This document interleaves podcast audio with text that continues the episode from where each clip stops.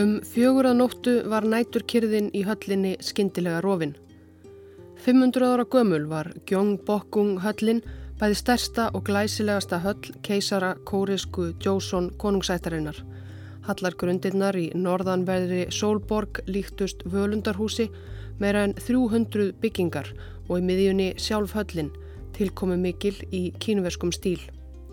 Í einni af byggingunum 300 lág rúsnenskur arkitekt og svaf þessa nótt, aðfara nótt 8. oktober 1895.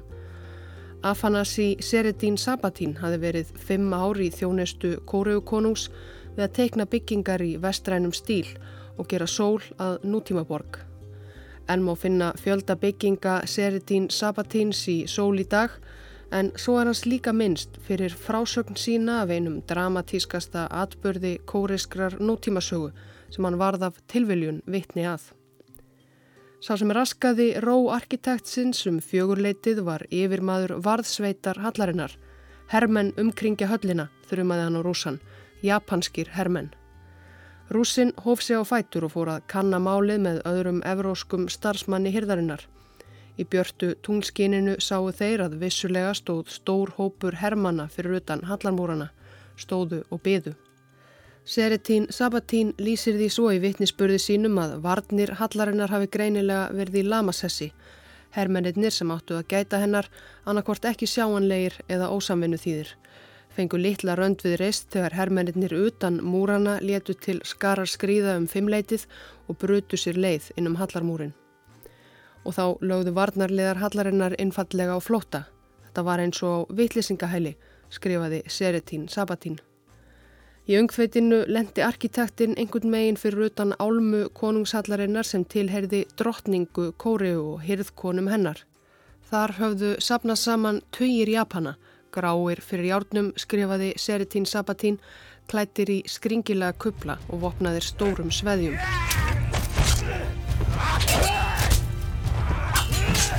Þeir ruttust inn drottningarálmuna þar sem þeir rótuðu í hverju hodni, fóru í gegnum allt og hendu sér yfir óttasleiknar konurnar sem urðu á vegi þeirra, dróðu þær út á hárinu í gegnum leðjuna fyrir utan og yfirherðu þær öskrandi. Arkitektinn var tekin höndum af Japanunum en sór og sárt við lagði að hann væri bara óbreyttur og saklaus arkitekt. Þeir sleft honum og hann hjælta áfram að fylgjast með þeim snúa öllu á annan endan og öskra á bæði hann og óttasleiknar hirðkonur. Hvar er drotningin? Hvar er drotningin? Segið okkur hvar hún felur sig. Arkitektin flúði á endanum og því er síðustu og hryllilegustu atbyrðum næturinnar ekki líst í vitninsbyrði hans. Japansku hermennir dróðu út hverja hirðkonuna og fætur annari vissir um að einhver staðar á meðal þeirra leindist sjálf drotningin. Til öryggis myrtu þeir þar allar rífuð þær úr fötunum, skáruð þær með sveðjunum sínum og nöðguðu þeim. Svo fundu þeir loks trotninguna og gerðu það sama við hanna, tóku svo líkennar, báruða burt í skógin fyrir utan hallarmórana, heldu yfir það steinolju og brenduða. Það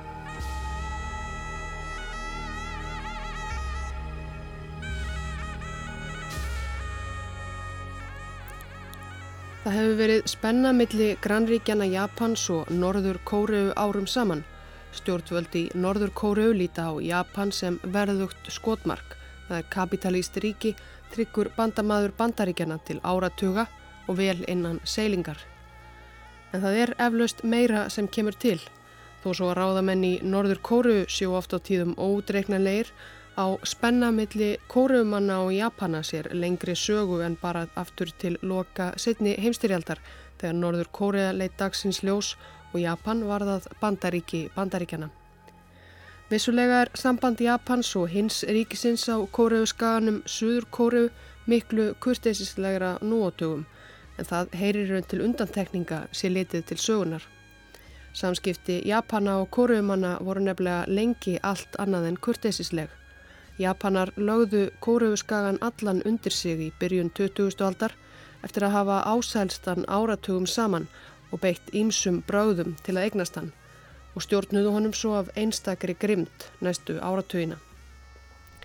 En eru óútkljáð mál sem varða japansku hernámsárin sem af og til koma upp á yfirborðið og flækja hinn annars kurteisislegu samskipti Japans og Suður Kóru.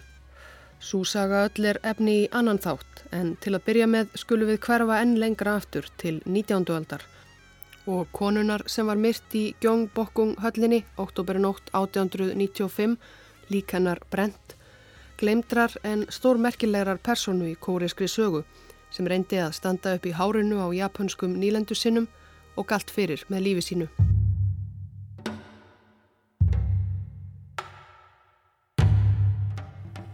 Í júli 1853 byrtust fjögur dökkleit seglskip úti fyrir Yokosuka og söðuströnd Japans. Svörtu skipin eins og Japanar nefndu þessa torkennilegu gesti voru bandarísk og lutu stjórn bandarísks sjóherfóringja Matthew Perry. Hann var komin alla þessa leið með flota sinn til að þvinga Japana til að opna ríkisitt fyrir verslun og viðskiptum við Vesturlönd. Japan hafi þá í raun verið einangrað og lokað landi meira en tvær aldir. Léns herratnir sjógonarnir sem þar réðu lefðu nær engum útlendingum að koma nángað og nær enga verslun við útlönd.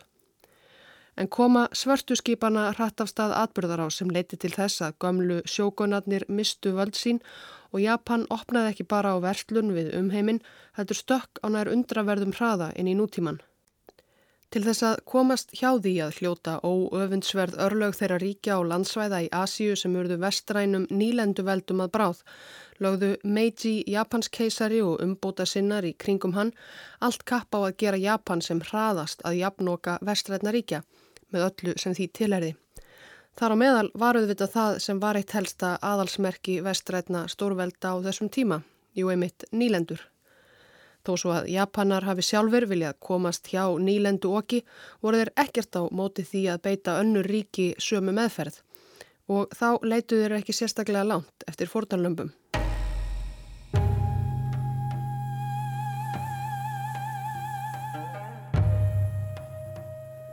Japan var ekki eina landið í Austur Asíu sem hafi valið að einangra sig fyrir umheiminum Á Kóruuskaganum hafði Jósson konungsættin öldum saman fyllt svipaðri stefnu. Jósson-ættin hafði ráði ríkjum á Kóruuskaganum frá því á 14. öld en byrjaði að einangra sig æg meiri byrjun þeirra 17. ekki síst af óta við afskipta sem í nágranna sinna. Rétt undir lok 16. aldar hafðu Japanar nefnilega gert tvær tilraunir til að leggja undir sig Kóruuskagan en kóruumenn í bæðiskiptin náðað hrinda innrásarherjum þeirra með aðstóð síns risavaksna nágrana Kína sem leitt þá á kóreiska konungsríkið sem eins konar skjólstæðingsinn og fylgiríki. Þó svo að Japanatnir hafi verið sendir á flótta voru innrásetnar mannskæðar og kóruumönnum mikið áfall og konungar Jósson ættarinnar brúðust við með því að skella öllu í lás og einangra ríkið eins og hægt var. Nútímaríkið Norður Kórea er í dagstundum kallað einseturíki eða Hermit Kingdom upp á ennsku. Það er rétt nefni á vissanhátt enda Norður Kórea með einangruðustu ríkjum á heimskortinu í dag. En þessi nafngift Hermit Kingdom, einseturíki, var emitt fundið upp til að lýsa konungsríki Jósson ættarinnar á Kóreuskaga. Það mótti segja að þeir Kim langfæðgar í Norður Kóreu byggi þar á langri kóriskri hefð.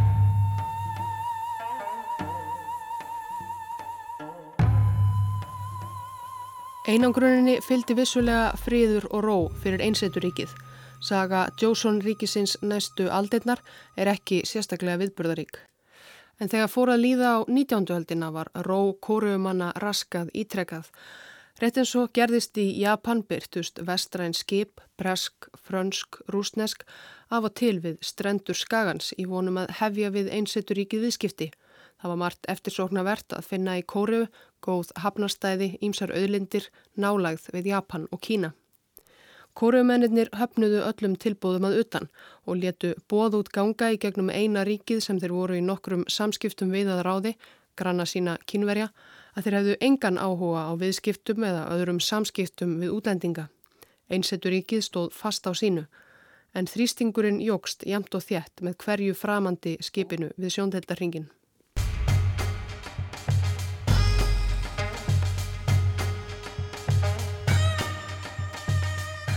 Ekki bætti úr skák að á þessum tíma logaði kóreiska konungshyrðin í stöðugri valdabaróttu. 2050 konungur Jósson ættarinnar, Chol Chong, ljast fyrir aldur fram 1864. Hann átti enga sinni og því var það ungur frændi hans Ko Jong sem tók við konungstigninni. Hann var aðeins 12 ára gamall og því var það fadir hans sem átti að fara með völdin sem ríkistjóri þar til konungurinn er þið tvítúr. Fadir konungsins unga hétt Yi Haweng en var og er jafnan kallaður Daivongun, það er aðalstitill sem þýðir eitthvað í líkingu við Hirðprins. Tititinn Daivongung er ekki sérstaklega þjáll fyrir vestrænar tungur og var hann því oft kallaður Gungprins af vestrænum diplomötum þess tíma en sama hvaðan var eða er kallaður þá var Jí eða Gungprins metnaða fullur maður og kætt og átti eftir að láta til sín taka í konungsriki sónarsins.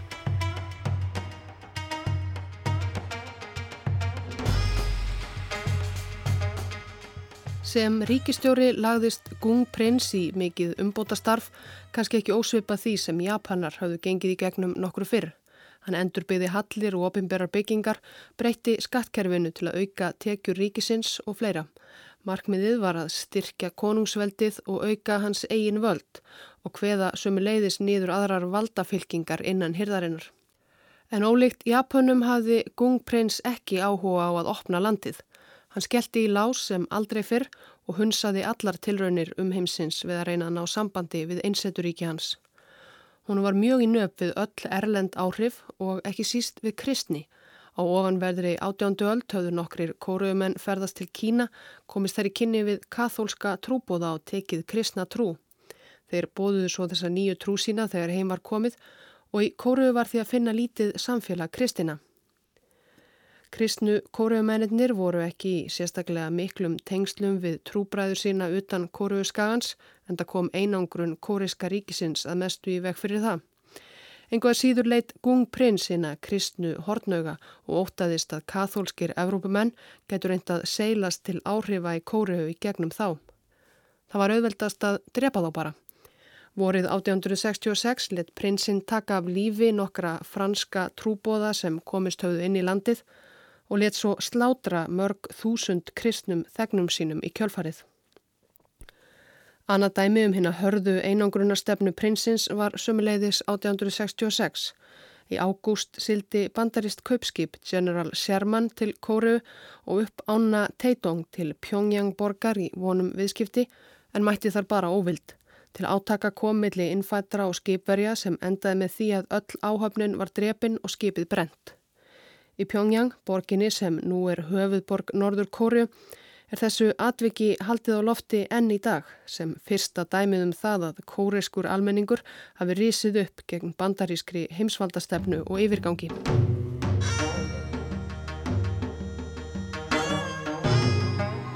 Gung prins sáum að stjórna fyrir svonsinn og sömulegðis syndi hann öðrum föðurlegum skildum eins og að velja síni sínum eiginkonu og drotningu.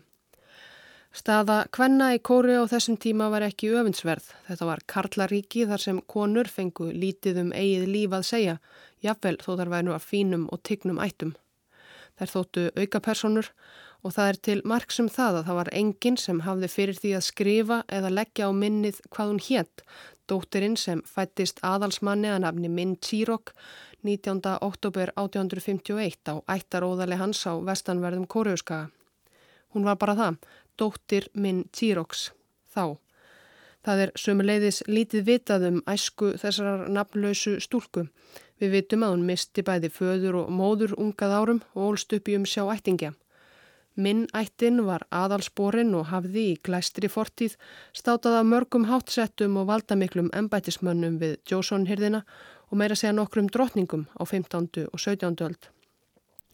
En gullaldarár minn ættarinnar voru löngu liðin og lítið eftir nema nafnið. Ættin hafði mist bæði auðæfi sín og völd þegar hinn nafn og munaðarlösa dóttir minn Týroks var að alast upp. Það var kannski helst það sem gerði það verkum að ríkistjórin Gung Prins fekk áhuga á stúlkunni. Um svipa leiti og hann var að láta slátra kristnum löndum sínum hóf hann leitað álitlegri stúlku fyrir svonsinn. Hún varðuð við að vera af fínum ættum, verðandi drottning en þó vildi hann alls ekki eftir allt það sem hann hafi þegar lagt á sig til að kveða niður ímsar valda ættir og fylkingar við hyrðina sem óknuðu hans eigin valdi og sonar hans. Þá vildi hann auðvitað ekki að drottningin hefði á bakvið sig frændgarð sem myndi reynað seilast til valda og áhrifa í gegnum hana. Það var engin hætta á því að þinn fallna minnætt geti ógnað stöðu þeirra feðka, taldan. Ekki skemmti fyrir að stúrkan var munaðalös og svo fögur og helsurhaust, mentuð og gáfuð.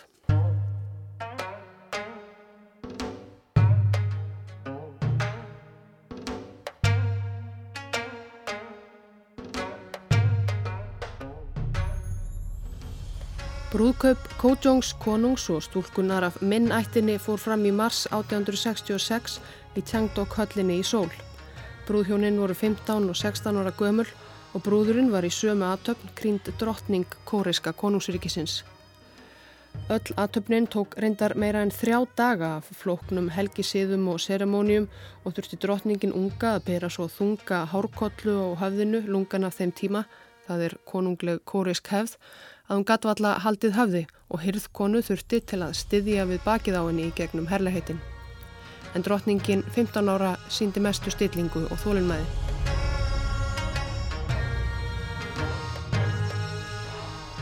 Það var eins gott að drotningin virðist hafa haft mikið þólgæði því líf hennar við hyrðina var ekki sérlega spennandi að minnstakosti fyrstu árin.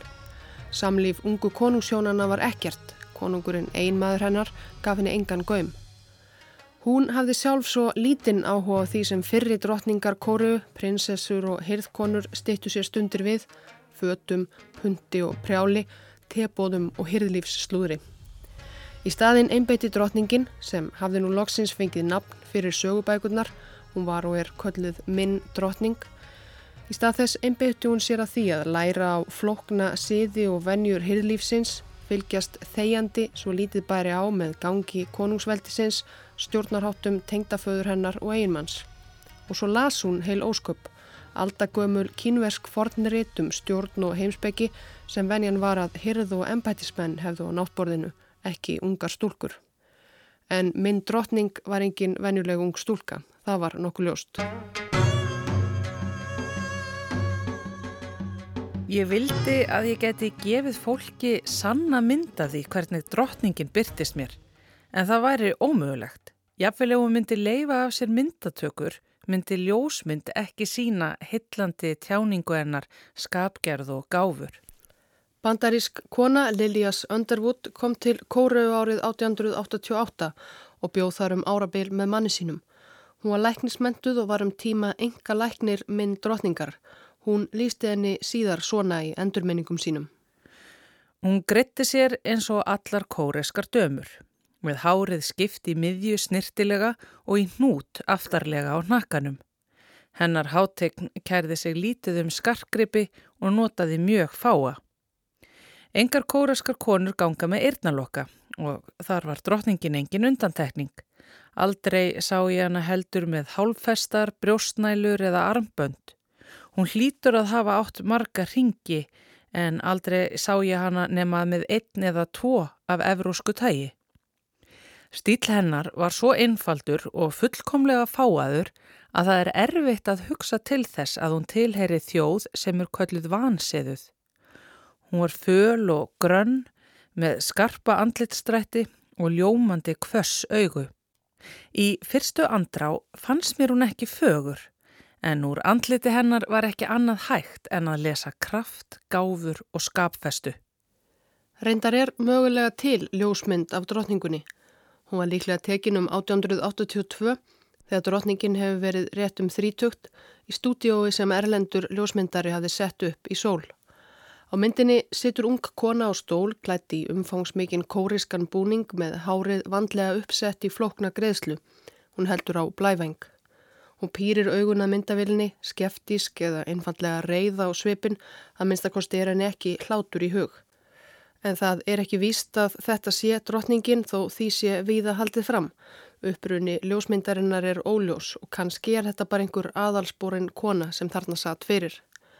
En allavega má af lýsingu Lilias Underwood lesa að þarna fór engin venjuleg kona.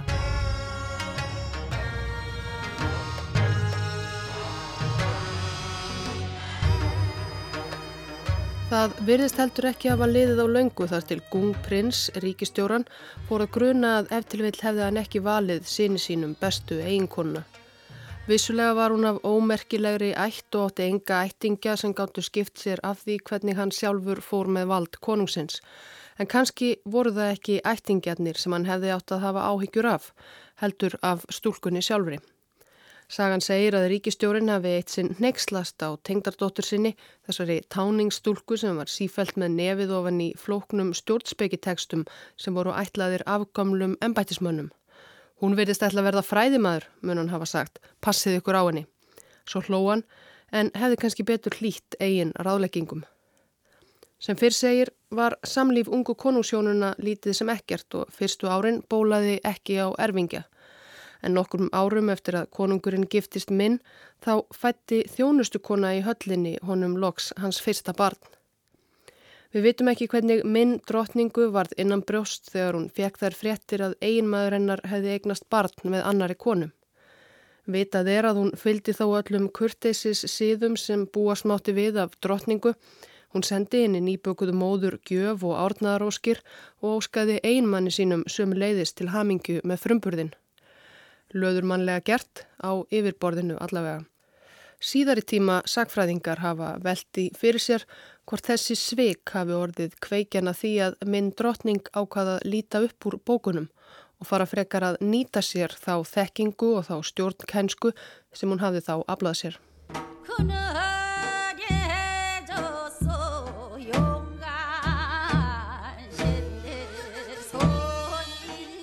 Í byrjun árs 1871, fimm árum eftir brúðkaupið, þegar minn drotning var tvítug, varð hún svo loksins þunguð. Hún hafði beðið fyrir þessari stund, byðlað til töfralækna og ákallað anda fjallana og hvaðina, loksins.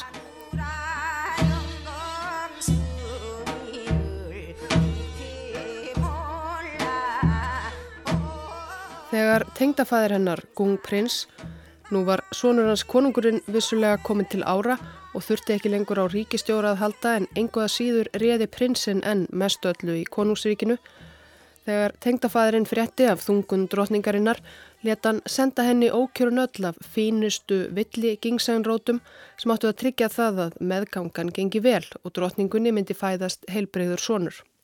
Ræturnar voru álitnar besta fáanlega helsubót og voru rándýrar. Kóriðskur kottbóndi gætt séð fyrir sér og fjölskyldu sinni í ár fyrir verð einnar gingsænrótar. Það andaði vissulega koldu á milli tengda föður og dóttur en einhverða síður tók drottningin gjöfinni fagnandi. Henni var auðvitað líka mikið í mun að eignast hraust barn og erfingja. Á hverjum degi í nýju mánuði innbyrti hún rætunar og það 9. november 1871 fættist henni loks sonur.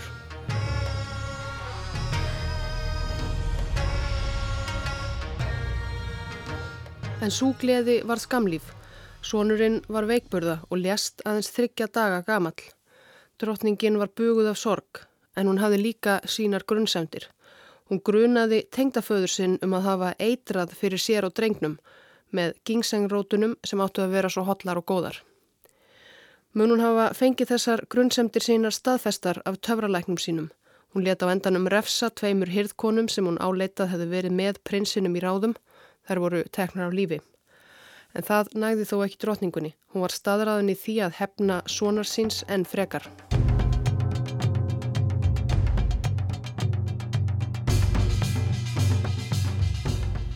Minn drotning fór nú að láta til sín taka við hyrðina og beitti óspart öllum þeim áhrifum sem hún gætt haft sem drotning og notaði öll þau brögð og kænsku sem hún hafi lært í skruttunum sem hún lág yfir sem stúlka.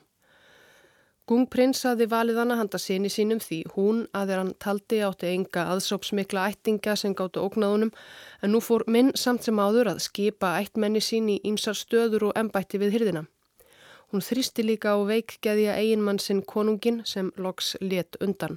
5. november 1873 lísti Kójong konungur því skindilega yfir að hérðan í frá ætlaði hann, 22 ára á því löngu komin til vits og ára, að fara sjálfur með stjórn kóru ekki fadir hans.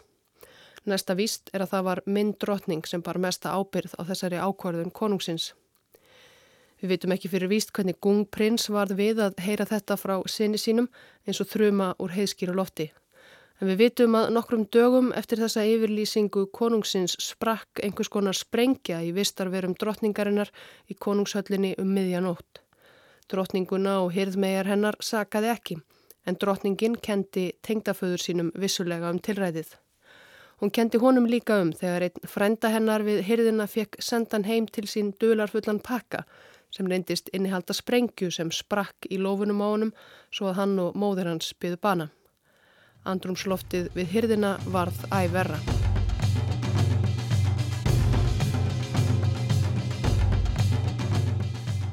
Við heyrðum hér áðan að bröldi grannríkisins Japansinn í nútíman eftir að vesturveldin neittu landið til að opna á verslun og viðskipti við vesturlund og af því að Japanar hefðu strax farið að gyrnast það að koma sér upp með nýlendum utan Japansæja. Um ári eftir að Kojong konungur tók við völdum, eða fadir hans það er, hafði japonsk sendinemnd byrst í sól og krafist þess að kóriumenn borguðu Japanum skatt framvegis. Kúrumenn skelltu við skotlærum, álitu sig enda engu lægri en Japana. Hættus líka að Japanum fyrir að vera klættir í vestræn föt en ekki japanska búninga, hvað heldu þeir eiginlega þeir væru. Sendinemdini var sparkað úr landi. En Japanar gáfust ekki upp og önnur sendinemd bankaði upp á í sól 1874 með sama erindi. Þetta voru umbróta tímar við kórisku hyrðina. Um ár var frá því að Kójong konungur hafi tekið völdin í eigin hendur og líkt föður sínum var konungurinn dálítið svag fyrir útlendingum. En myndrottning stóð fast á því við eiginmann sinn að Japanunum ætti að henda út í hafsauga þið fyrsta. Kórea er þið áfram lokað land og alls engin nýlenda. Japanska sendinemdin fór aftur um borði í skipi sitt, lítið gufugnúið seglskip smíðað í Skotlandi og sildu áfram upp með strandlengju kóruuskagans að vestanverðu. Það var kóruumönnum ekki alveg að skapi. Og japansku skipverjarnir vissu svo sem að strandsikling þeirra væri líklegt til þess að erkja innfæta. Þegar seglskipið var komið upp að Gangva eigu sem liggur rétt úti fyrir miðjum skaganum, þar sem nú eru landamæri Norður og Suður kóru, reðst kóriski herin til allugu gegn aðkomumönnunum. Frá varnargörðum og eiginni skutu hermen á skipið og Japanar skutu tilbaka af miklu meira afli með miklu nútímalegri vopnum. Japanskir hermen gengur síðan á land og slátruðu bæði kóriskum hermönum og einhverjum óbreytum eigaskekkjum. Herskipið kvarf svo braut en ekki löngu síðar byrtist að aftur úti fyrir kóruuskaga og þá voru nokkur flott og nútímaleg herskip til viðbótar með í för og japanskur aðmirall sem krafðist afsökunarbeðinni af kóreiskum ráðamönnum að þeir hefðu dyrst að skjóta á herskip þeirra. Annars væri þeim að mæta aftur.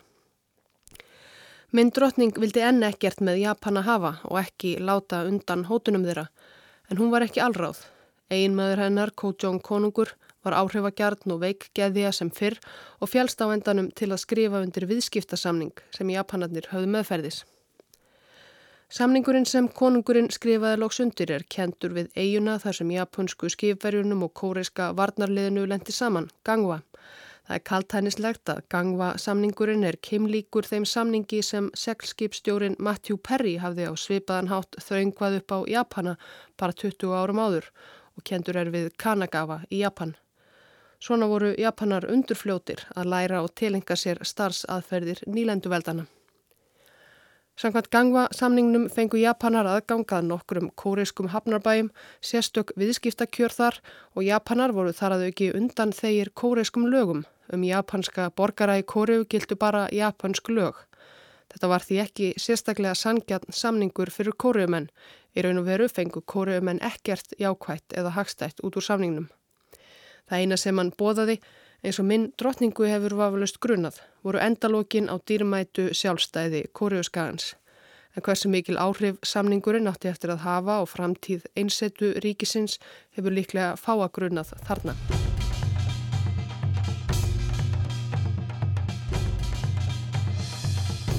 Minn drotning reyndi þó að bjarga því sem bjargað yrði. Á meðan Japanar gáttu nú í raun vaðið uppi í kóreiskum hafnarborgum að vild, byðlaði hún til annara stórvelda þarna í nágreininu, Kína, Rúslands og svo framvegs, að vernda einsetturíkið fyrir yfirgangsemi Japana.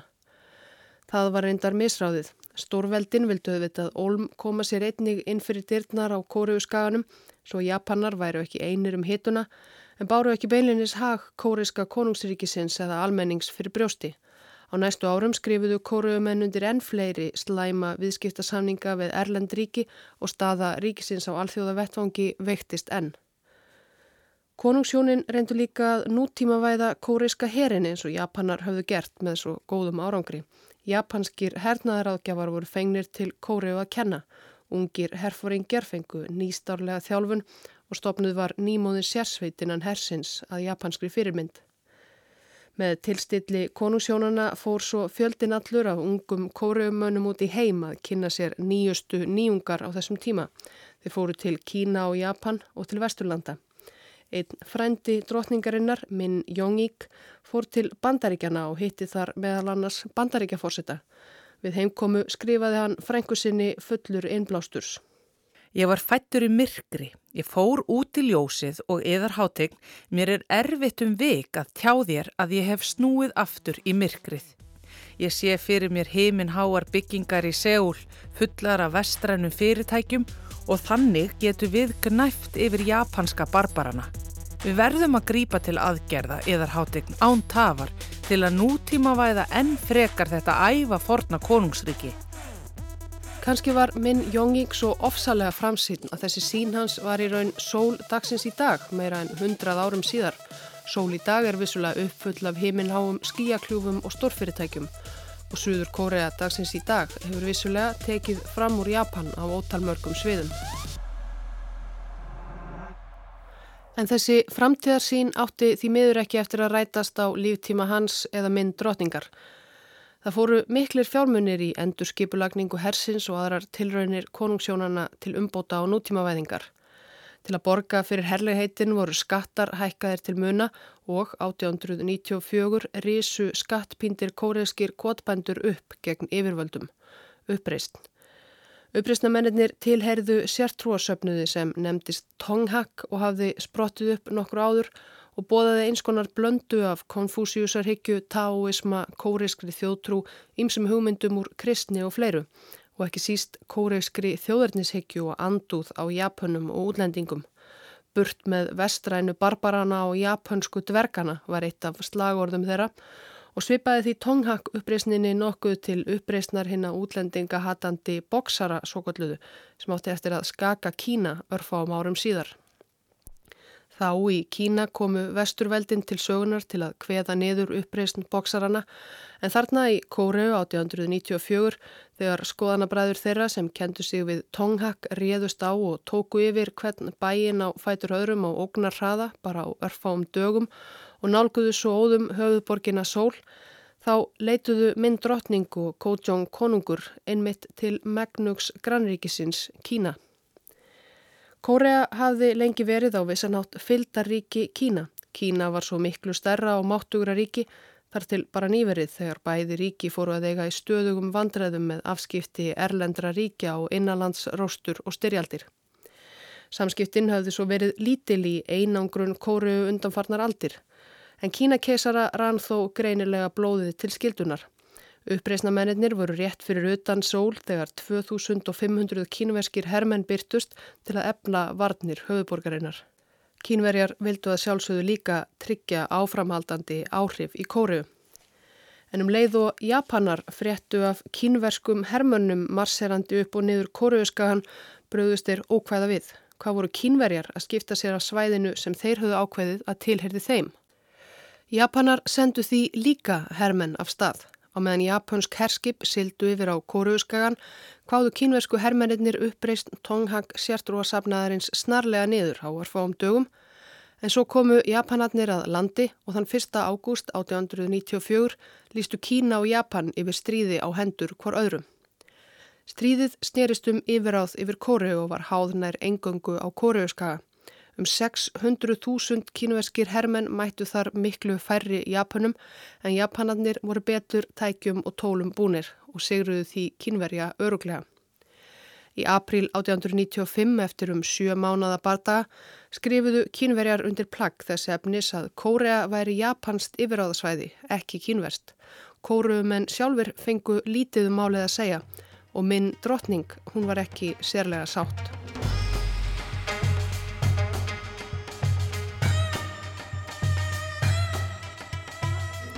Eftir stríðslokk hófust Japanar handa við að leggja undir sig kóriska konungsríkið í orði og á borði. Japanskir hermenn flættu yfir allt. Japanar þrönguðu nýri stjórnarskrá upp á kóruumenn með þingi og öðrum stopnunum og nýja stjórnkerfið fylltist auðvitað mönnum sem vinnveittir voru nýju nýlenduherrunum. Minn drotningu og einmanni hennar var ítt til hliðar og drotningin gæti ekki rönd við reist þó hún reyndi. Örvendingafull reyndi hún að byðla til annars stórveldis í nákræninu sem var ekki vel til Japana og hafði sömulegis lengi haft auga á kóreuskáðunum. Það var Rúsland. Hún átti fundi með rúsneskum erindregum og plottaði. Það fór ekki fram hjá Japanum. Þann 8. oktober 1895 voru japanskir hermenn sendir af stað að myrða konuna sem stjórnvöldi Tókjó álitu sinn helsta ofinn, minn drotningu. Með Japanunum var fjöldi kóriskra samsæðismanna. Tókjó hafði nefnilega ákveðið að leita til annars óvinnar drotningarinnar um aðstóð og liðsabla. Það var tengdafæðir hennar, Gung Prins, sem var orðin 75 ára, nú valdalaus en brann enn af hatri í gard tengdadóttur sinnar og bauð nýlenduherrunum gladur aðstóð sína við að ráða niðurlögum hennar. Og það tókst eins og framkom í upphafi þáttar. Konunginum og nánustu aðstofamönnum hans tókst að flýja blóðbaðið í höllinni og leita skjóls í sendiráði rússa í sól.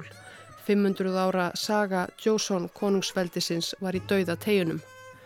Rússar og japannar áttu svo eftir að bítast aðeins um kóruuskagan næstu árin. Árið 1897 komst Kótjón konungur þannig aftur til valda í stuttastund með hjálp rússa, þá tillaður keisari kóruum. Það stóð stutt, keisaraveldið endist bara í örfa á ár og eiginleg völd Kójóngs sjálfs voru lítil.